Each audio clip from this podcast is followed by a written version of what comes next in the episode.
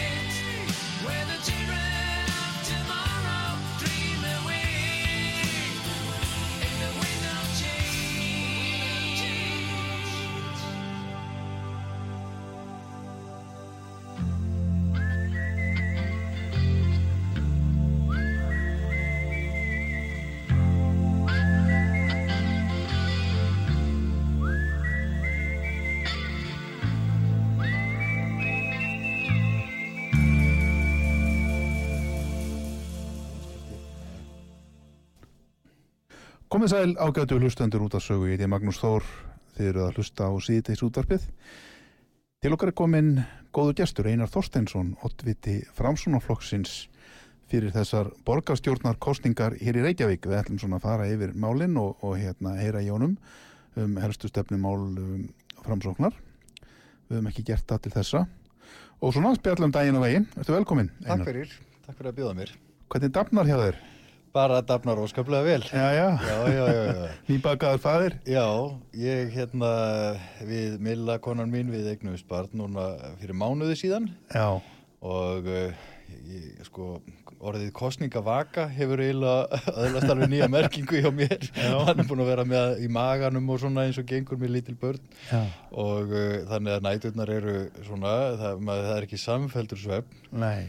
En uh, það er náttúrulega ekkert það er ekki til dásamleiri tilfinning heldur en að halda á, á, á barninu sínu nýfættu og hafa það hjá sér og, og hérna fylgjast með því svona fyrstu vikunar, þetta er alveg indislegt. Þau roskast og stækka alveg ótrúlega hrætt. Já og svo fara að koma nýr svipir og, og, og, og maður er að velta fyrir sig var þetta bros eða var þetta ekki bros og hvað ætla hann sé að hugsa núna? Þetta, er, bara dásamlegt og ég á tvær eh, stelpur fyrir. Já. Og, uh, og sem eru nýju ára að verða núna og, og, og svo 15 og, uh, og svo fekk ég loksins strák núna og það er ótrúlega skemmtileg hérna, skemmtilegt að eiga núna bæði. Já, Er þetta ekki svolítið erfið samt að í miðri kostningaparatu að hella sér út í kostningaparatu nýjórðin faðir? Jú, jú, það, ég meina, það er náttúrulega mikil, mi- mikil hlaup hérna núna Já, þessa dagana. já. og uh, ég veit ekki, ég, hérna, hann gefur mér alveg ofsalega mikla orku að Já. koma heim eftir langan dag uh, þar sem maður er búin að fara bæði í svona viðtöl og, hitta kjósendur og taka marga fundi og, og all þessi vinna sem að tengist kostningunum sem er, er, er mikil fótavinna bara. Já. að koma heim og fá hann í fangi það, er, það gefur mann alveg ofsalega mikla orku líka. Og af stressar mann einhvern veginn alveg maður verður eins og smjör með hann í fanginu.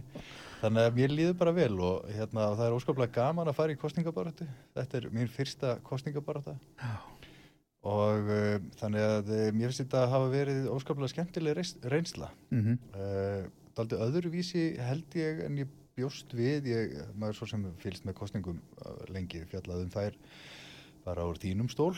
Mm. og hérna uh, hlutverki fréttamannsins og spyrilsins og þá er maður ofta að velta fyrir sér svona í gögnunum hvernig er fylgið að þróast og hvernig eru málefnin nákvæmlega. En maður er kannski minna maður verður minna var við uh, þetta samband frambjóðandans og kjósenda Já. sem að, að fréttamenninni kannski sjá ekki og skilji ekki alveg. Það hefur verið eh, mjög skemmtileg reynsla fyrir mig að kynnast því.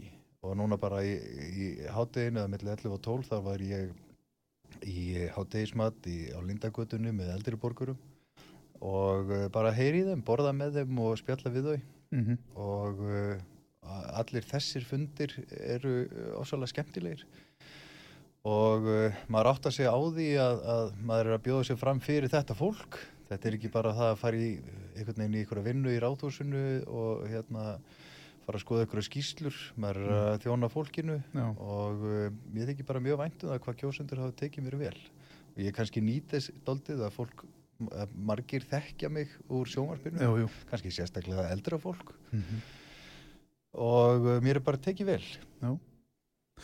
Þú valdi lag hér upp að því já, Wind of Change Já. með Skorpjóns Vindar breytinga já, já, Var þetta eitthvað úthugsað? Já þetta var úthugsa nefnilega ég, hérna, þú bauðst mér að velja lag Já. og, og ég hugsaði þetta lag er hérna, við erum núna með það slagvort og spyrjum kjósendur felum þeim uh, að, að, hugsa málið er ekki komin tími til að breyta í Reykjavík Já. og, uh, og þetta lag er náttúrulega bara fjallar um vindabreitingarna og ég vona þeir blásu um Reykjavík núna Já. og ég uh, við hérna um, þessi meira hluti hann hefur uh, já, kannski aðalega samfylkingin uh, og, og hefur stjórnað hérna í borginni mjög lengi. Og uh, ég og við erum bara svona velta því upp hvort að þessi ekki komin tími til þess að fá inn fersk augu, fólk sem hefur ekki verið í borgarpolitikinni núna í heilt kjörtímabil, ekki með borgarfulltrúa inni í síðustu kostningum og uh, vegna þess að við uh, höfum öll fylst með því að baráttan í borginni, í borgarstjórnmálinn hafa verið aldrei hatrum og mikil átökum smæstu mál og þau stóru líka. Og þetta hefur smitað eh, held ég út í samfélagið og við sjáum það kannski best á tröstmælingunum sem að Gallup gerir. Já, Þar eru borgarstjór eh, neðst á listanum með 21% tröst og, og alþingi er þarna í 34% held ég minni mig og, og það eru fleiri sem treysta bankakerfinu heldur en borgarstjórn. Já, og uh, ég held að það sé vegna þess að stjórnmálamennir uh, hafi einhvern veginn daldið mist augun á boltanum, fara meira í mannin, eigða tímanum sínum í það að rífast uh, mikið og, og þá nú bara fréttir á þessu kjörtíðabili að einhver borgarfulltur úr ullaði og fundi borgarstjórnar og allt er þetta frá þessu uh, yfir í það að það er skotið á bílborgarstjóra og vara borgarfulltur í sjálfstæðismanna fordæmir það ekki og segir bara já svona gerist þegar menn eru ömulegi borgarstjóra já, og þetta, þetta verður, all, þetta er orðið allt, allt og mikið. Og ég held þetta tefji fyrir skynsalegri ákvörnatöku og kemur í veg fyrir hana. Með grafa sig svo djúft ofan í skotgrafinnar þeir eru hættir að heyri hver öðrum. Og, uh, og það er engin leið að, að, að ná árangri í uh, flóknum og stórum viðfáksefnum uh, borgarstjórnmálana með svona uh, ástand. Og- myndi þetta eitthvað breytast uh, með framsókn, ég meina þeir náttúrulega njóti þess kannski núna þegar það vera haldið svona stikk frí sko þegar það ekki verið með borgarfulltrúa núna í hvað einn fjögur ár? Nei, það er enginn sem Eh, breytir neinu einn. Nei, og ég hins vegar bara er mjög ákveðin í því að láta ekki draga mig niður í eitthvað leðjuslag. Við förum fram sem heillisti mjög uh, einbeitt í því að bjóða kjósundum upp á þann valkost að uh, kjósa fólk sem að er uh, lausna miðað og öfgarlaust og er tilbúið að, að, að skoða málin að mál, með málefnalegum hætti. Þessi umræða, ertu með eða móti borgarlínu, ertu með eða móti þéttingu byggðar ertu með eða á móti flugvellin og öllu þessum, öllu þessum málum sem, þar, sem, sem, þar sem verið er að reyna að knýja fram einhverja eina al, mjög eindregna afstöðu?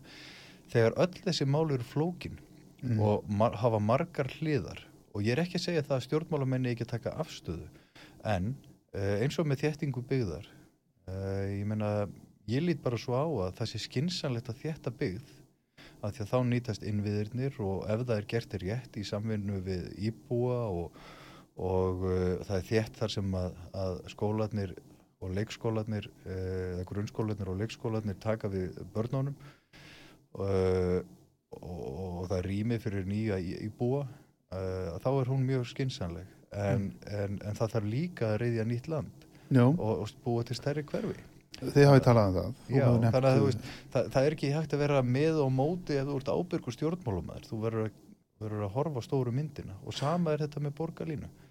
Menna, við sjáum það að mannfjöldaspárnar uh, gera ráð fyrir því að, að hér muni árið 2040 hafa sest að á höfuborgarsvæðinu 70.000 manns í viðbót. Hvernig ætlum við að koma fólki milli A og B í borginni ef við eflum ekki almenningssamgöngur með rækilegum hætti? Og greiðum fyrir almennri umferð fjölskyldubílsins. Þetta er bara í takt við þarfir almennings Mm. og í takt við eh, eðlilega þróun borgarinnar og við þurfum bara að tryggja það að þessi, þetta verkefni e, fari ekki úr böndunum í kostnaði og e, við þurfum að tryggja það að borgarlínan verði skilvirk og ég treysti ekkit sérstaklega vel meiri hluta flokkonum núna til þess að halda utan á það verkefni að því að þeir hafa verið í stríði við engabílin, vilja fækka bílum uh, mjög rækilega og, hérna, og þrengja allstaðar að honum. En þetta er aðal uh, fararskjóti uh, borgarbúa. Þannig að það þarf að taka þetta upp úr þessum átakafarfi Já, en væri þá ekki lausnin á því til þess að byggja þá upp svona, hvað ég var að segja, sjálfstæða kjarna innan borgarinnar uh, á nýju landi Kjeldnaholtinu eða hvað það heiti Jú, jú, nú Kjeldinganesi sem ég er mjög hrifin af. Já, þá er nú, þá er nú, opnast upp á Kjalanesi heldur betur. Ég var nú íbúið að finna upp á Kjalanis bara í síðustu viku. Mm -hmm. mikill hita fundur þar uh, af því að íbúar eru vonsveiknir yfir því hvernig meira hlutin hefur komið fram við þá. Uh, Já, já. þar var verið að ræða um það að strætó og samgöngur fyrir uh, til dæmis unga fólki sem að þarf að sækja þjónustunir í Mósusbæ og, og annað Eh, þær eru ekki, sko, fjöldi íbúa er ekki nægur til þess að þið fái e, þjónustu sem að, að, að þau eru ánað með Nei, og þau eru ekki nógu mörg til þess að, að fá sorp þjónustu sem að þau eru ánað með. Þau þurfa að keira með lífrænt sorp niður, í, í Álsnes. Já, já, það minna, það er ekki eins og vesl, það, mætti Nei. vera sama- meira skilur. En á sama tíma sko hefur þessi meira hluti e, bannað þeim að, stækka. Þau hefur ekki viljað útluta lóðum. Íbúarnir e, og skólinn er, Klebergskóli er komin með undir 100 e, krakka í skólanum og hann tekur 200. Mm Þannig að þarna er leikskóli, uh, grunnskóli og, og, og uh, sundlaug og íþróttahús og, og, maður spyr sér byrju hvað í óskopunum uh, er á segði, hvers vegna vilja borgari við vildi ekki leifa þessum, þessu fallega samfélagi upp á kjarlanissi að, að, að byggjast upp og, þannig að hægt sé að nýta innvinna. Það, þetta, þetta, er, þetta er einn besta eða, eða versta byrtingarmynd af þröngsýninni Mm. í skiplasmálum hjá þessu meirulhuta að leifa þess að gerast. Og þau eru brjáluð. Mhm. en núna ætlum við að keira á sundabraut. Sigurður Ingi nú búin að koma því verkefni upp úr eitthvað svona hugmyndafarvegi yfir í raunhæft verkefni. Og uh, á þessu kjörtímabili liggur fyrir að, að, að skipa verkefni stjórn núna strax í vor og fara síðan í rannsóknirnar og, og umhverfismatið og, og, og leiðarvalið og uh, ég verð bara að segja það að ef menn vilja sundabraut þá ættu þeir að, að, að, að min, muna það að þessir flokkar sem er í meirulhutunum núna hafa staði í vegi fyrir því að, að keira það verkefni áfram No. og, og það er mjög mikilvægt að framsókn komist að, til áhrifa í, í borgarstjórn til þess að það verði af sundabraut og, uh, og það er náttúrulega það, það, ég var að skoða hér gögnum um það hversu mikið umferðin á höfðborgarsvæðinu dregst saman. Þá voru 150.000 kílómetrar á dag sem sparast í akstri Já, já. og, og, og, og fyrir utan það að, að e, þetta er náttúrulega stýtti leiðin upp á Kjalanis og, og, og Gravorvog og, e, og, og svo opnast þegar framlýða stundir tækifæri til þess að byggja í Geldinganissi sem er náttúrulega mjög spennandi byggingaland. Já, ég, ég hérna um, það er einmitt sko, ég hef spurt aðra sem hafa komið yngar þetta til minn einmitt um þetta sko Já. maður sér fyrir það að verða að byrja á þessari sundabraut og, og, og gera til dæmis almeinlega veg út í Gjaldinganes og hefja þá samhliða uppbyggingu, skipulagningu og uppbyggingu á, á stóru hverfi þar Já. með öllum innviðum á meðan síðan haldið að væri áfram með sundabrautina Já, upp á já. kjálunni skilur Annað En- dæmi um það hvernig meirulhutin hefur dreigið lappirnar í, í skipulagsmálunum er Já. það að, að 2019 þá uh, uh, setur Sigurður Ingi Jóhansson uh, saman þennan hóp borgarstjóra, bæjarstjórana á höfðborgarsvæðinu og ríkið uh, til þess að leysa samgöngumálin á höfðborgarsvæðinu að því að það hefði verið í ára tugi hnútur um það Mhm. hvernig við ættum að, að tryggja að stoppveginir uh, gengju uh, þannig að umferðinu þá gengi ekki reyðilega og það var hægt að byggja þá upp, setja mislega gatnamót á bústæðaveg og, og leysa hnútin þar og, og, og, og fækka umferðarljósum á, á, ljósum á þessum stóru æðum Mhm. sem að tryggja það að við komumst um borgina á álagstímum en á sama tíma að byggja upp alvinnisangurnar kerfi sem að sem er mjög mikilvægt ef við ætlum að horfa til framtíðar því að strætóin hann er einfallega ekki að virka. Mm. e, nægilega vel. E, og þessi hugmyndafræði að draga alla að borðinu e, kostar mikla peninga 120 miljardar en allir fá eitthvað fyrir sinn snúð. Þetta er bara algjört líki latriði og þetta er þessi samvinnu hugsun sem ég er bara mjög hrifin af að, Mm. starfa eftir og ég held við ætlum að við getum komið inn á það betur og eftir hvernig mjög langar að taka hana inn í önnur stór verkefni á sviði borgarinnar en þegar þessi samgöngu sáttmáli var gerður 2019 þá eh, fylgdi því yfirlýsing ríkisins um að Keldnarlandið uh, færi inn í sáttmálan til betri samgangna fyrirtækisins sem stýrir þessu, þessari uppbyggingu og það er verðmetið á 15 miljardar króna. Uh, þarna fekk borgin þar hlutverk að skipulegja landið, uh, hefja síðan byggingu íbúðurhúsnæðis og, og, og, og, og nýta landið til þess að borga fyrir borgarlínuna. Mm. Og svo bara líður og býður og maður spyrir sér af hverju óskupunum þarna er, verið, þarna er koma fjármunir til þess að borga fyrir þessa hérna, uppbyggingu sem að þau mjö- eru mjög áfram um að náðu fram að ganga og uh, svo bara gerist ekki neitt og núna uh, kortir í kostningar að þá fer dagur það upp yfir og segir, jú, herðu, nú skulum við byrja að skipulegja kjælnalandi og hérna, e, og það er búið að flytja tilugur um að hefja deiliskepilega þarna í, í borgarstjórn og þau hafa Já. felt þetta Já.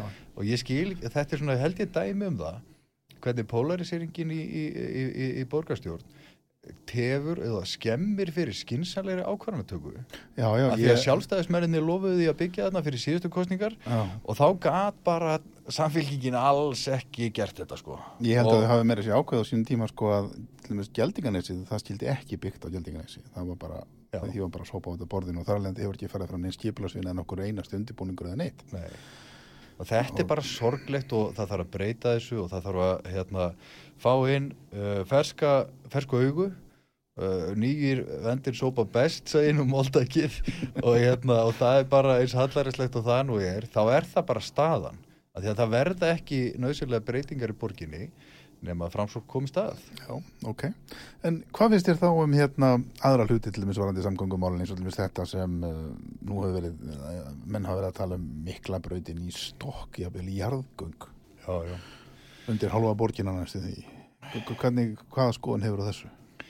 Ég held að hérna, þetta eru hugmyndir sem hafa verið lengi í umræðinni og uh, ég sé alveg kostina við það að, að, að leiða umfyrirðina þarna ofan í jörðina og byggja ofana og búa til blómleg hverfi þar. Ég hef hins vegar gríðarlegar áhyggjur af því hvernig við eigum að komast af á meðan þessum byggingatíma. Einmitt, það er það að spurja þig um. Já. Hvernig, hvað eigum að gera við bílar á meðan? Nei, sko, það verðist enginn hafa hugsa fyrir því. Nei. Uh, og, og hérna uh, þeir sem að eru, í, eru með þessi áform uppi þeir eru búin að byrta mjög falleg svona YouTube myndbönd af þessum áformum og hvernig byggðin getur verið uh, og, og þetta er allt saman mjög fallegt og sól á myndunum og allir í, í, í hérna stuttbuxum og, og, dásamlegt. Og, svarar þörfinu eftir nýjum íbúðum og ég stið það. En, en ég held að menn ættu áður en þeir halda lengra áfram með málið að, að sanna það fyrir og sannfæra borgarbúa um það að þeir geti búið í borgin á meðan þessum framkvæmdu stendur. Þetta Já, er bara líka- gríðarlega stort verkfræðilegt áskorur hérna, Já, ég, að- ég hef spurt að því sko, menna, er þetta bara yfir höfuð gerlegt? Ég meina Mm. að fara að grafa niður stokka, eh, mjög langa stokka, þannig er fullt af alls konar lögnum, þetta er mjög tæknilega séð, þá lítur þetta að vera mjög flókin framkvæmd og dýr Já. Og alveg það saman með göng líka, Mhm. hvort það væri það ekki miklu frekar skynsalega eins og þú hefur verið að lýsa að, að gera einhverja ráðstafni til þess að flæðið geti farið um þessar stóru stopnæðar innan borgarinnar uh, til dæmis með því að búa til mislæg gatnamót, nú kannski hægt að gera mislæg gatnamót á þess að þurfa að búa til einhverja ægilegar slaufur, ég meina Mhm. Það er hægt að búa til rensti til dæmis uh, kringlumýrabraut undir miklubrautina með, þú veist, fara bara undir miklubrautina skilur þau, Já, já. og fleiri stöðum líka grensósveginum kannski líka Já, já. miklubraut, já. einhverja Þetta- svona lausnir skilur Það, ég, ég bara, sko, nú er ég ekki eh, umferðar verkfræðing ekki ég heldur, Skilurðu, ekki ég en- heldur En ég, þetta bara, ég held að maður þurfi ekkit að vera með doktorskráðu í þessu til þess að átta sig á því að, að þetta er flókið verkefni og uh, mjög viðkvæmt af því að, Mm. að þetta, uh, það er fyrir séð að þessar framkvæmdir munu taka mjög langan tíma. Já, já, og uh, það, er, það er mikið undir í þessu. Og þarna er líka landspítalinn í, í, í byggingu. Jú, jú. Og, og gríðarlega mikilvægt að við hérna stöndum vel að þessu verki. Þannig að það verður bara ekki óbærilegt að búa í borginu meðan þessu stöndur Nei, það verðist enginn geta svarað því til dæmis hvert á að beina umferðinni sem núna fer um miklubraut sem er alveg gríðalega mikil á meina, hvert á hún að fara? Hún að það er fara í það minnsta ekki hægt að fara í, í stokkin þarna uh, og held ég stokkin á sæbraut á sama tíma því þá er bara allir fastir. Uh, ég meina þetta er verkefni stjórnun sem að, að aðrir eru betri í en ég að, að að stýra uh, hafandi ekki einu svona skoðað uh, hérna ég meina það, menn hafa náttúrulega farið í uh, svona framkvæmdir erlendis. Uh, það hljóta að vera til fyrirmyndir. Það er hægt að leysa allt en, en það þarf að, að gera þetta mjög uh, vandlega. Og, og ef ég bara á að vera hreinskilin þá er orðræðan uh, frá þeim flokkur sem stýra borginu núna hún er öll á þá leiðað að, að fækka bílastæðanum eins mikið og hægt er þrengja eins mikið að bílnum og hægt er og, uh, og gera fólki frekar erfitt að vera á bíl. Það er nú bara svona stefnaðar. Mm. Uh, og það eru hérna, uh, og það er þá til þess að hvetja fólk til þess að fara í almenningssamgöngur frekar, að það verði físilegri kostur og ég er bara þeirra skoðunur að, að, hérna, að þetta tvent þurfi að, að ganga saman. Það þarf að vera hægt að kera bíl um borgina tökum bara dæma mér, ég menna mm. ég, ég á tvær dætur mm. sem að uh, eiga uh, heimili annar staðar hjá móður sinni í hlýðunum, ég bý í seljakverfi dóttur mín yngri er í Ísaksskóla og, og hinn er í skóla í Efribyðum og, og, og svo eru frístundur og alls konar já, já. og svo vinnum við hjónin uh, á, á mismunandi stað og þetta er bara lí, veruleiki fjölmarkra fjölskyldna í borginni og það er bara erfitt að að eh, fara milli hverfa í strætó. Eh, það, það gengur ágætlega sumstaðar þar sem að það getur farið í eh, hérna, beinarleðinir í bæi en maður, það, oft þarf maður að skipta mjög mikið um strætó til þess að komast leiða sína og þetta er tímafrækt og ég hérna, þetta venjulega daglega amstur það er bara fyrir mér er, er, það kemist ekki af án þess að hafa e, að, að minnst okkar eina bifrið, við eigum eina bifrið og hún er umhverjusvæn og, og, og við erum hérna, reynum að vera samfélagslega ábyrg og, og umhverjusvæn en uh, ég get ekki verið án bílsins. Nei. og mér finnst ekki aðeinlegt að það sé þrengt þannig að, að, að mér og öðrum sem er í sömu stöðu uh, bara út af einhverju pólitískur hugmyndafræði. Nei, nei, einmitt. Já, já. Já Flugvöldurinn Já, blessaði, blessaði flugvöldurinn Ég bjóst ekki við því að það væri svona, erði svona mikil umræðan um flugvöldin allt akkurat núna. Nei. Fyrir þessar kostningar, bjóst þú við því? Ég eiginlega veit að ég, ekkit frekar kannski en, en um, já, þinn flokkur hefur nú verið mjög mikil talsmaður þess að hafa flugmann flug, flug, flugvöld í Vasmírinni ég vil hafa flugmann í Vasmírinni já, já, einu sinni var bauð framsóknundir eh, framöndi formirkjónum eh, framsóknu flugvallarvinir. ég er nú bara þannig gerður og ég tengist dauðum hlutum ekki vinóttuböndum þótt að ég skilji mikilvægi þeirra. Já. og uh, við bjóðum bara undir hérna, merkjum framsóknar í, í núna. En það barða ekki árangur síðast. Mm. Ég, hérna, e, e, það sem ástæðan fyrir því að þetta komir á óvart er það að, að það er bara samkómulega gildi um flugvöldin og e, það samkómulega skrifaði borgarstjóri undir og mér þykir leitt að, að sjá það að hann vilja ekki standa við það samkómulega. Mm. E, mér finnst það ábyrðaleysi. E, það er samkómulega kveður um það að, að flugvöldin verði þarna, þar sem hann er þanga til að, að önnur staðsetning finnst mm -hmm. og uh, innviðar á þeirra hefur látið skoða hvasa raun og svo vinna er í gangi. Uh, síðan fór að uh, skjálfa og, og gjósa á Reykjaneskáðunum og þá fórum menn jarfræðingarnir að segja það að þetta væri nú kannski doldið erfitt þarna við kassarauninu vegna þess að þarna eru sprungur og, og virt svæði. En sá staður er enþá í skoðun og uh, ég myndi vilja að, að, að, að það væru kannski fleiri staðir skoðaður og sett, settur hérna, kraftur í þetta mál. En flugvöllurinn verður að fá að vera þarna þanga til að við erum búin að byggja nýjan flugvöll sem þjónar sjúkraflugi og innanlandsflugi. Og uh, jafnvel og Reykjavíkflugvöllur gerir núna. Þannig að í stöðum álu sagt á telur þú að flugvöllurinn stegi að vera í Vasmíri mm. þannig að annar jafngóður staður finnst eða hvað? Já, það er bara um það og, og, og, og borgarstjóri skrifaði undir þetta samkómulag 2019 En viltu, fá, viltu sjá flugvöld fara úr Vasmíri?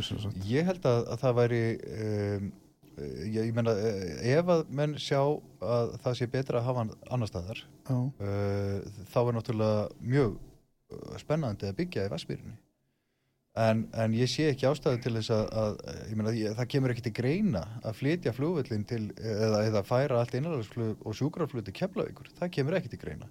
En Nei. þarna er land sem að geti nýst undir, undir uh, framtíðarbyggð í Reykjavík. Og uh, þarna hefur verið byggð öflug íþróttagstaða í kringum val og, og, og svo er þarna mjög blómlegt samfélag í, hjá háskólanum sem er, er vísinda samfélag og tæknifyrirtæki og, og mikil gróska þar.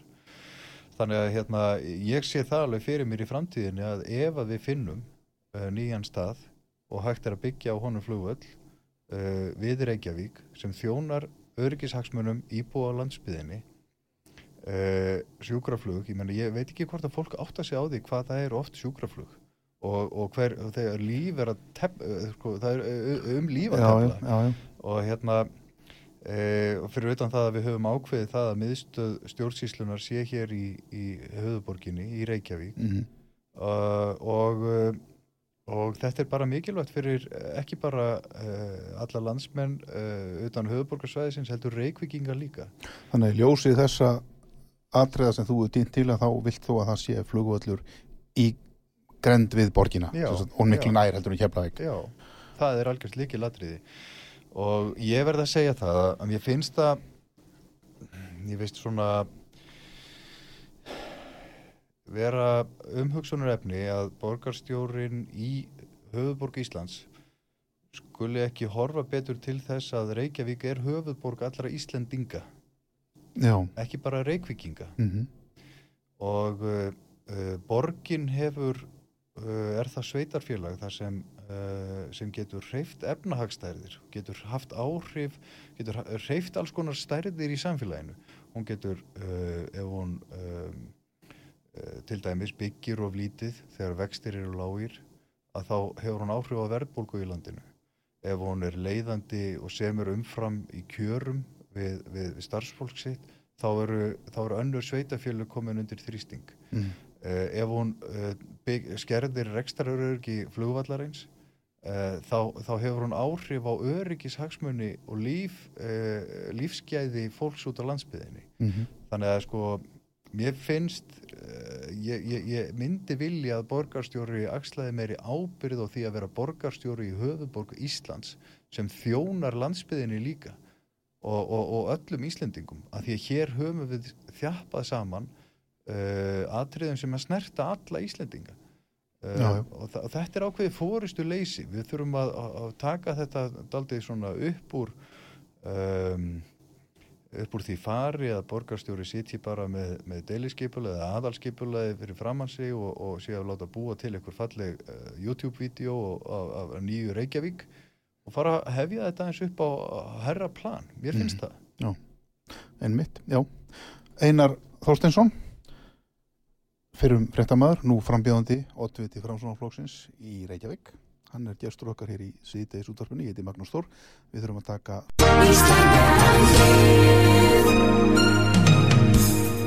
Styrtareikningur útvarpsögu í Íslandsbanka á Granda. Útubú 513 höfubók 26 reikningur 2.11.11 Nánari upplýsingar á útvarpsaga.is Takk fyrir stöðningin Stöðt auglýsingalíja en komum aftur eftir smá stund.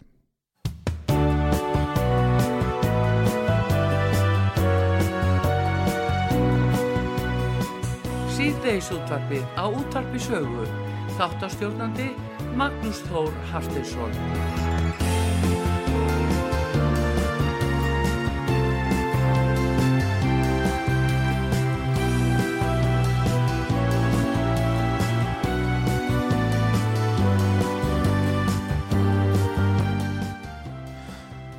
Komið sælatur á getur hlustundur ég heiti Magnús Þór. Við erum hér í síðdeis útvarpinu að ræða við Einar Þorsteinsson oddvita Frámssonflóksins fyrir borgarstjórnarkostingarnar hér í Reykjavík. Uh, Einar, mér langar til að hefja hennan setni háleik okkar á því að tala eins um húsnæðismálin. Já. Þið setjið markmiðið um 3000 nýjar íbúðir á ári. Já. Það er bara eh, vegna þess að, að hér er uh, neyðar ástand í húsnæðismálunum. Sjáum það að húsnæðisverð hefur hækkað um 20%, frá, nei 30% frá uh, áspyrjun 2020 og uh, fólk sem er í fastegna hugleðingum er undir þeirri pressu að kaupa eins hratt og það getur áður en að verðið hækkar meira. Mm -hmm. Sælabankin bendir á það að, að helmingurinn af verðbólkunni í landinu má skrifast á hækkun húsnæðisverðs og uh, bendir á það líka að uh, frambóðið af lóðum og þeim verkefnum, húsnæðisverkefnum, uppbyggingarverkefnum í borginni e, e, hérna, það hefur valdið því að það er ekki nóg byggt. Samt hefur mikið verið byggt í borginni á, á síðasta kjörtímabili. En áætlinirnar bara voru ekki nægilega stórhuga. Og nú hefur verið dreigið svæðiskipulag utanum höfuborgarsvæðið allt og, og sveitarfjölugin hér samþektu að, að þennja byggðina ekki uh, út meira en, en, en uh, þetta samkominlega hveður áum. Og nú sjáum við það að, að Hafnafjörður er að búin, verða búin með sitt land og, og uh, Garðabær er búin með urrið á holdið og þettingareiti inn í, inn í miðbænum ekki stóra, svo er Kópavur með 500 einingar í Vassendakvarfi og, og ætlar síðan í uppbyggingu, þéttingu í Hamraborg og, og bakvið hana og svo aðeins út á Kársnesi. Eh, og allt byggingalandið er í Reykjavík og hér eru tækifærin til þess að byggja upp. Og ég er ekki að segja það að öll, öll ábyrðin sé eigi að vera á herðum uh, Reykjavíkur en, en, en, en svona er þetta nú bara og ég held að, að, að til þess að, að slá bæði á, á um, þessa, þetta neyðar ástand sem að ungt fólk til dæmis er í í dag uh, það kemst ekki inn á húsnæðismarkaðin uh, það er uh, þrátt fyrir hluteldarlán sem að framsókn kom á hér og, og, og stuðning við, við óhagnaðadrifin Uh, leigufélög sem að, uh, eru að byggja hér þá bara er þetta ekki nægilegt magn. Og ég vil að við útlutum lóðum, skipulögjum ný hverfi höldum áfram þéttingunni þar sem að, að hún er skynsanleg og bara verðum að vera að hugsa stærra. Þetta er, þetta er ekki, ekki, ekki í lægi að, við, að það sé svona mikið ójabægi á, á húsnæðismarkanum og þetta er velferðarmál. Já, já, vissulega. Uh, Myndir þú telja að þetta myndi slá þá á jafnvel verðbólguna sem verðist nú vera að fara að leika lausum halla, jafnvel sem ja, meira ennum margra ára stíð? Ég, ég held að, að ég meina Sælabankin eh, einfallega bendir á það að helmingurinn af verðbólgunni í mhm, landinu mm -hmm. sem er uh, vaksandi uh, að hún er vegna þess að, að fastegnaverð hefur hækkað svo mikið. Ég held að, að það, það er engin hætt á því held ég að fastegnaverði lækki en þetta hægir á hækkun aukið frambóðmenni draga ára já, ég menna að lögmálið um frambóðu eftirspurn er bara tilturlega einfall lögmál og já. gildir enn í dag. Uh, þrátt fyrir að meira hlutin í borginni hafi ekki fattað það sko. Og, hérna, og þau vísa alltaf í það að, að uh, það hafi verið, verið að vara við því að það erði oframbóð á húsnæði 2019 það er bara það er bara algjör fyrirsláttur það, það kom einn eh, ábending frá selabankanum um það að, að eftir fall vá mm. uh, að þá uh, fækkaði ferðamönnum tímabundið og Airbnb íbúðunar fór út á almenna legumarkað og, og, og, og hérna, hækkuninn á húsnæðisverðinu uh, hún Já, húsnæðisverði hækkaði ekki jafn hratt og það voru, það voru þess að dýru íbúður í miðbænum sem voru ekki að seljast alveg jafn hratt og, og venjulega. Já svo náttúrulega bara frá áspyrjun 2020 þegar menn sáu það að þetta hérna, hafði ekki svo mikil áhrif á efnaðarslífið að, að hérna, það bara byrjaði verðið að, að fjúka upp. Og þá hefði borgin átt að segja herðu, okkar áallinu gera ráð fyrir og litlu byggingamagni nú þurfum við að, að drífi því að útluta loðum og, og menna, það er skipulega upp í Ulfarsordal það er hægt að hafa miklu fleiri hérna, eh, uppbyggingarreiti og keira það í gang af því að borgin er ekki eiland Nei, nei, vissulega ekki. Hvað með leyendur? Nú var hér hjá mér í síðustu viku Guðmundur Hafn Artgrímsson sem er nýr, tiltúlega nýr formaður leyendasamtangana Já, reskægi Já, já, vel máli farin og, og, hérna, og vel lesin greinilega. Eh, Þau hafa verið með hugmyndur um leigu þak það er sett einhvers konar þak á leigu húsaleg hefur hækkað gríðarlega. Já, já þú hefur verið spurður um þetta á fundi með öðrum frambjóðundum? Já, ég, ég fór á fundi á honum uh, um daginn og, og hérna, mjög öflugur spyrill hann guðmundur. Mm. og ég, hérna, ég sagði við hann að hann ætti nú að fara bara að sækja um hjá í kastljósinu. Hann, hann held okkur vel við efnið. Og mjög gaman að þessum umræðum. Ég hef leikt sjálfur og uh, ég vildi losna það hann strax Já. og koma mér í eigið húsnæði. Mm -hmm og ég held að það sé uh, reynsla flestara húsnæðis og mannverkjastofnun mælir það hversu margir vilja vera á leikumarkaði sem er leigumark á leikumarkaði og 90% segja ég, að þeir myndu vilja búa í eigin húsnæði vegna þess að það er meira öryggi sem að fylgir því. Eh, legumarkaðurinn er að færast í heilbyrðara horf nú þegar eh, óhagnaðadrifnu legufélögin hafa verið að byggja meira Já, þú áttu von á því, já. Já, ég held það. Ég held samt sem áður að, að hér verði alltaf þessi, þetta megin stef að fólk vill búa í eigin húsnaði vegna þess að, að þróunin er bara svo að, að fastegna verð hækkar alltaf eitthvað og smátt og smátt þá eignast fólk uh, sjóð í steipunni sinni sem það selur síðan uh, þegar það uh, fer á eftirlaun og, og jafnvel minkar við sig og, og eignast eitthvað þannig.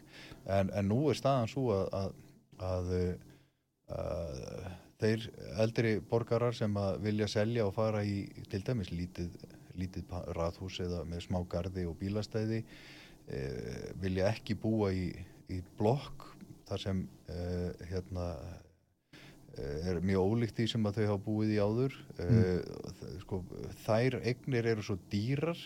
Fólk er fast í húsunum sínum. Já, já. og svo eru unga fólkið er að, að börnin er að, að leita til foreldrana uh, um, um fjárhagslegan stuðning til þess að geta komist sjálft inn á, á, á húsnæðismarkaðin og þetta sjáum við í tölum frá þjóskrá að það eru fleiri eignir núna sem eru uh, það, er, það eru fleiri kennitölur sem eiga fleiri en eina fastegn Mm og þetta eru bara foreldrarnir sem er að hjálpa börnunum sínum að komast inn á húsnæðismarkaðin og ganga þá á, á, á, á sinn sjóð og uh, til þess að hjálpa börnunum sínum að kaupa húsnæði sem er á uppsprengtu verði. Það tapa allir á þessu Já, já, ástandi. vissulega. þannig að ég, ég myndi vilja að, að það uh, skapaðist helbriður legumarkaður uh, fyrir þá sem vilja ég held að sé ákveðin svona sveifla hjá ákveðnum hópum uh, og hugsanlega ungu fólki eitthvað sem að vil njóta þess frjálsræðis að, að- búa í örugri leigu en eiga ekki endilega húsnæðið. En uh, það eru mjög fáir sem vilja vera undir uh, und- undir valdi leigusalan sín sem getur bara hækka verði hvernig sem hann vill. Þannig að þú, þú, þú myndir þá ekki vilja setja á svona leigu þak eða neitt þú heldur að þetta sko, myndi, þetta hefur- myndi jafna sig á sjálfu sér Já, ég myndi vilja fara, reyna að fara aðra leiðir en, en, en leiguþæk. Það hefur ekki gefið góða raun vegna þess að, að e, það kemur í veg, það hindrar það að, að, að menn e, hérna, e, haldi við húsunum sínum e, og, og það verður skortur e, á leiguhúsnaði því það er ekki físilegu kostur að, að, leia ef þú færði ekki það sem þú þarft út úr þessu. E, en, en hérna... Er björgunin þá falin í auknu frambóði af Í- Það er bara lögmálið Húsnæði. frambóðu eftir spurn.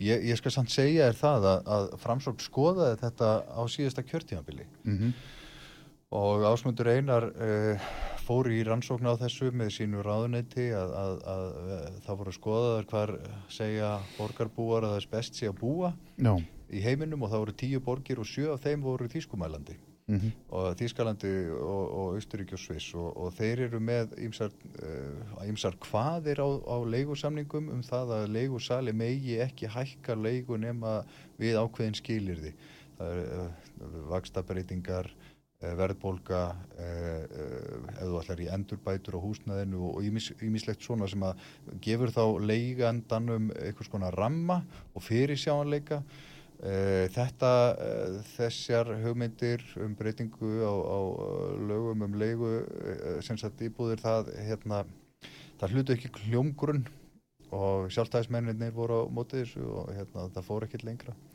En, en við höfum verið að skoða þetta og, og hérna, eh, það er bara, eh, húsnæðismálun eru velferðamál og, og það þarf að tryggja það að allir hafi þakka yfir höfuð. Það eiga allir borgarbúar sammeigilegt.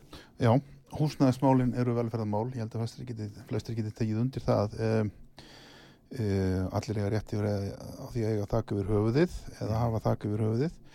En um, já, hér höfum við aðeins rætt átöflu sögu þennan vanda sem við skapast í miðbænum einmitt fyrir íbúa þar vegna hávaða. Já, mikið af skemmtustöðum á lítilli torfu, mikill háaði læti alla nóttina, ekki sveppriður. Ég þekki þetta. Þú þekkir þetta? Ég bjó á, á hverfiskutu.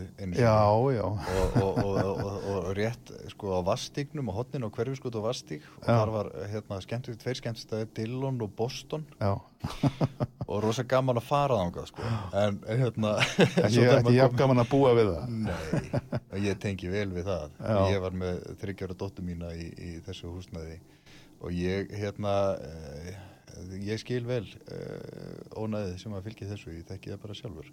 Og, og ég, meina, það er engin einföld lausn á þessu. Fyrsta lagi það náttúrulega að, að tryggja það að, að, að bar eigendur, kráar eigendur fari eh, eftir reglum og lögum og reglum. Uh, og að hávaðamælingar sko uh, ef að það sína það að hávaðan séu mikill þá hérna, þá séu mannum gert að læka tónlistina og, og þessar bassatrómur sem fylgir uh, þessum hérna, klúbum sko. þú vilt ekki dreifa úr þeim? Ég held að það veri mjög skynsanlegt sérstaklega þessir klúbar þar sem er danstónlist Já, langt fram eftir nótu ég held að Grandin væri bara mjög sniðut hverfi fyrir slíka starfsemi Já. en mér finnst samt mikilvægt að halda í laugarvegin sem svona uh, götu þar sem að fólk getur farið á kvöldin um helgar og fengið sér bjór og, og, og vinn og hist og hérna haft gaman þetta sé ennþá svona uh, það sé næturlíf þarna hvað með þessar göngugötu pælingar eða þá þróun? Jú, um eitt sem að mér langar að benda á samt varðandi næturlífið Já. að, að, borgin verður að, að axla þá ábyrð að þrýfa borgina mm. ælur og sóðaskapur og, og þetta allt saman sem að uh, ég veit að og heyri íbúum uh, reglulega núna fyrir kostingarnar sem er að hvert undan þessu uh, það þarf náttúrulega að, gera það miklu markvissar ef við ætlum að gefa, veita þessum uh, stöðum starfsleifi og, og, og, gera það að verkum og þarna getur verið drukki fólk vitum við bara að það fylgið í magapína hjá hinum og þessum og, og, þá það bara að, þrýfa og, og hreinsu brusl og þetta þarf að gerast strax um morgunin áður en að fólk fer á fætur og uh, borgin greinilega sinni því alls ekki nægilega vel. Ekki frekar en að, að reyðja snjó og, og, og sópa stíga. Þetta er bara, það hefur verið vandræða ástand varðandi þessa grunnþjónustu Uh, og, og það að eldri, eldra fólk og, og fatlaðir get ekki komist á milli húsa þótt að, að snjói. Meina, ég talaði við einn fatlaðan mann sem að sagði sko COVID var nógu erfitt að vera í einangrun uh, í, á því tímabili að ég skildi ekki þurfa að láta fenna inni Hér, Mhm. það er bara ólíðandi, þetta er mannréttindamál já, að stígarnir séu rautir En er bara hvað, með laugavegin? göngugata Já, viðrist við bara gera gönguð frá lemmi og niður bara. já, viljum ekki bara taka Já, Ég veit það ekki, ég, hérna, mér fannst, uh, hérna, þetta er nú svona held ég, um, sko, mér, fannst, mér finnst þessi breyting á lögaveginum að, að hafa hana þarna uh, að hluta til göngugutu, mér finnst hún hafa hefnast ágætlega vel fyrir íbúana í borginni. Mm að því leiti að, að hún er miklu skemmtilegri að, að, þú nýtur þín miklu betur á henni. Uh, og uh, ég skil samt alveg verslunareigandur sem eru ósátti við þetta. Uh, en þeir eru ekki allir ósátti við þetta um, það er eitthvað skonar meðalhóf held ég sem þurfi að hafa. Ég er ekki vissum að, að, að- að við viljum gera hana alla göngugötu, það er ekki okkar kostningalofar, það er viðreisn og þau koma sér í umfjöllun uh, með þessu lofariði, gott og vel. Ég, ég er ekki samfæður um að það sé rétt leið. En, en, en ég er samt fylgjandi því mér finnst þetta sniðu hugmynd að, að hafa lögvegin að hluta til göngugötu eins og hún er. Og uh, við erum líka verið með hugmyndir svona uh, sem að kannski koma fólki á óvart. Austurstrætið til dæmis. Það var nú í málegnastarfinu hjá okkur og voru að velta fyrir okkur hvernig getum við gert þetta skemmtilegt? Þannig eru veitingastæðir á, í nánast í hverju húsi eða barir. Hvað, hvað með þá hugmynd að, að byggja eða gera eitthvað svona hugmynd að hönnunar samkeppnum það að byggja yfir austurstrætið? -hmm. Og þá getur veitingastæðinir snúið borðunum út á götu og eða fært þau út á götu og, og þarna getur verið þá uh, svona skemmtilegt borgar veitingastæða og skemmtistaða líf og með tónlist og, og svona, ég veit ekki, ég held að geti, þetta er hjarta borgarinnar. Og svo er Ingolstorki þarna frá, aðeins lengra Eh, Það verður að hafa þetta opið og lokað eftir því hvernig viðraður og, og ég veit það ekki. Ég, ég er bara tilbúin að skoða alla leiði til þess að gera borgina skemmtilegri og mannlegri og við séum í meira svona meira samfélagi. Já. Hvernig hérna leggst þetta í þig? Uh, gæti framsókn komist í einhvers konar ottaðastöðu eftir kostningarnar? Það er bara kjósendur sem ráða því. Ég veit það, Ég- en, en hvernig metið þú það? Ég held að sko, meðbyrjun sem við höfum haft í skoðanakönnunum sýnir það að það er mjög mikið ákall eftir nýjum vinnubröðum, uh, ferskum augum og uh, okkur hefur verið vel tekið. Þú ert já, þíns flokks, já, já, það, það er vist fylgir því að vera í fyrsta dreymir þið um stólinn. Mér dreymir bara um það að láta gott að mér leiða. Það Já. er nú bara þannig. Uh, ég veit alveg að það þarf að vinna með öðrum til þess að ná árangri ef að, ef að ég næ uh, samkomulagi við aðra flokka sem bjóða sér fram um, um málefnin og menn vilja skipta með sér verkum eitthvað neginn, já, já, þá skal ég alveg þykja það að vera borgarstjóri. En, en það er líka hægt að láta gott á sér leiða með öðrum verkefnum og um, aðalatrið er það að, að áherslur okkar í framsóknar náu fram að ganga það verði slegið í klárin varðandi eh, húsnæðismálin og málefni barna leggjum mikla áherslu á það, þau. Við viljum, uh, það hefur ekki verið forgangsraðið þá barna í borginni. Það eru hér skólahús illa við haldið um, árabil. Það er verið að keira börn reppaflutningum á milli hverfa og uh, með miklu raski á þeirra lífi. Mm. Og, uh, og, og, og mikil reyði í borginni yfir því að, að, að svona menn hafi látið þessi hús að drabbast niður og nú er bakreikningurinn miklu hærri en bara ef menn hefðu uh, hefðu synd viðhaldinu. En það er bara verið vera þannig að það er miklu skemmtilega að taka skóplustungu heldur en að skipta um, um, um glugga. Og það er bara ekki það er ekki rétt forgangsröðun og við viljum líka frítt í sund fyrir börn og ungmenni og frítt í strætó Mhm. til að efla líðhelsu og sjálfstæði barnana og önnur sveitafjölu geta gert þetta en Reykjavík hefur ekki gert þetta.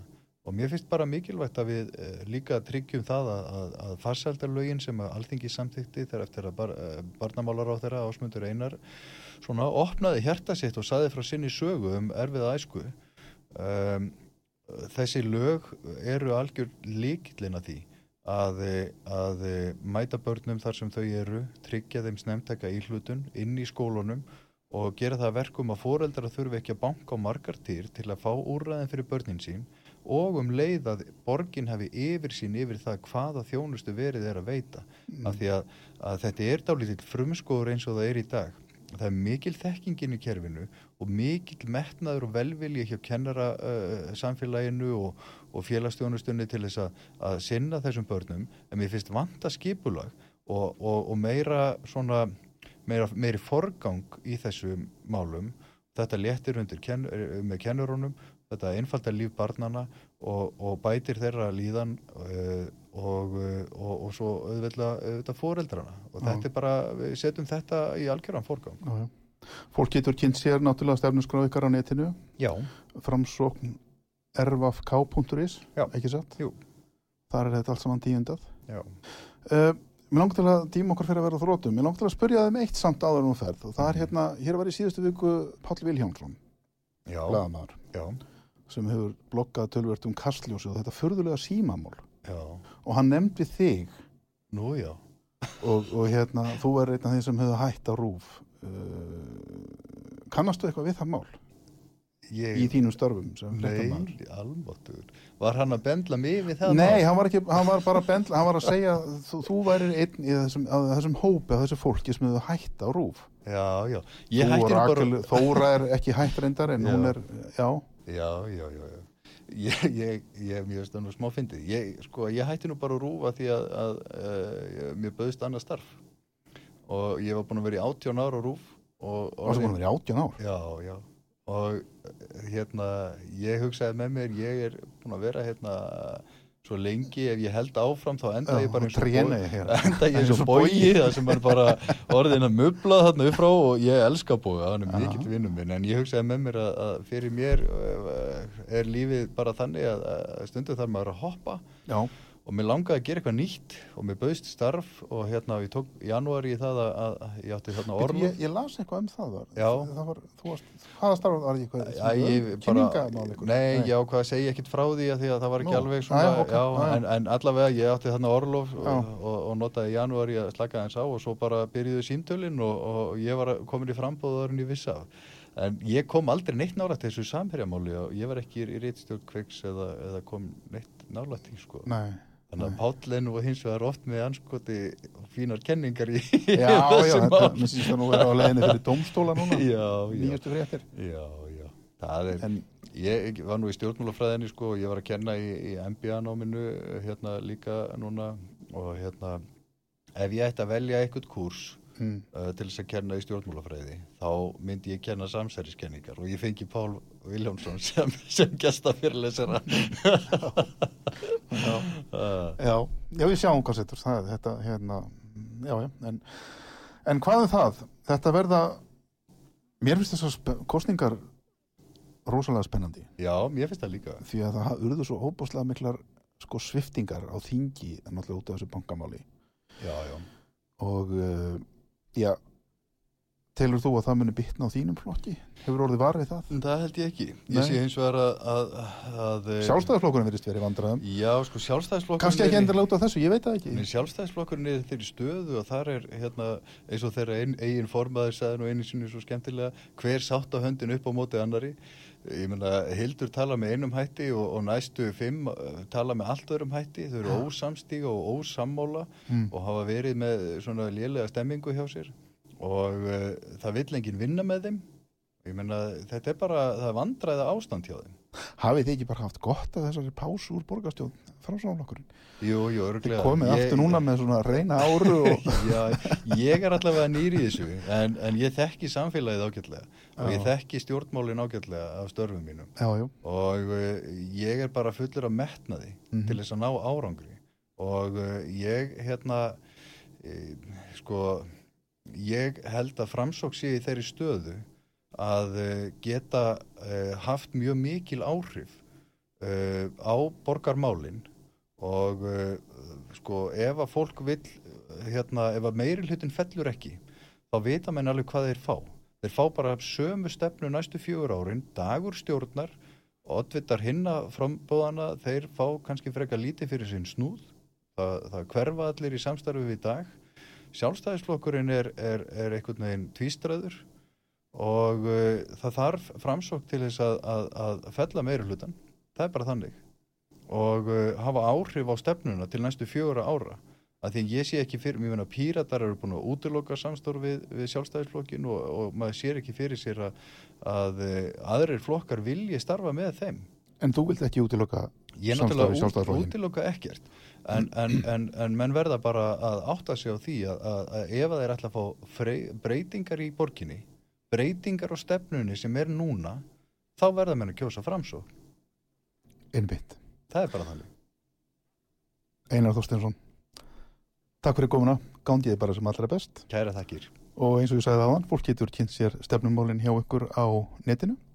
Já, fína heimasíða og svo náttúrulega fylgist með okkur á, á samfélagsmiðlunum og, og, hérna, og njótum þess að tala um borgamálin það er vika í kostningar og hérna, e, hún er oft skemmtilegasta vikan það er, Já. nú er alls konar sem gerist og hérna, það eru kappræður og, og við erum að, og fullu út um allan bæ að hitta kjósundur og tala um málin og þetta er bara að liðra þess hátíð og um að hafa gaman að henni Nákvæmlega, já, einmitt það. En og aftur, takk fyrir, ágæti hlustur, ég heiti Magnús Þór. Þið hafið verið að hlusta hér á síðisútvarpið, Einar Þorsteinsson, oddviti framsóknarflokksins og kannski verðandi borgarstjóri, hver veit, var gestur okkar í dag.